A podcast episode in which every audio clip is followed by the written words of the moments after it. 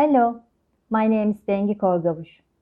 I am an assistant professor at Yeditepe University, Urban Design and Landscape Architecture Department. This term, I am the instructor of LAUD 209 course, which is Soil Science. During this term, we will discuss about the fundamental concepts of soil science. These concepts are the component of soils, physical, chemical, and biological properties of soil, soil formation, soil-water relationship, soil types, fertilizers, soil organisms, example of use of soil information in land use and management planning.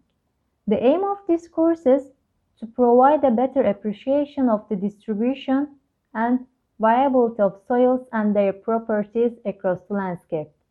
By the end of this course, students should be able to appreciate the variety and complexity of soils, understand the physical, chemical, and biological compositions of the soil and concepts relating to soil functions, understand the characteristics that render soils to be problematic from the viewpoint of plant growth and soil management, determine practically some physical and chemical soil characteristics.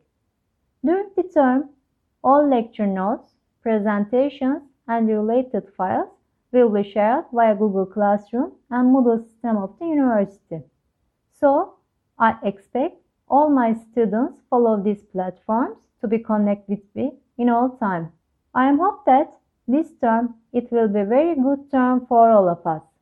Hope to see you in my class. Bye.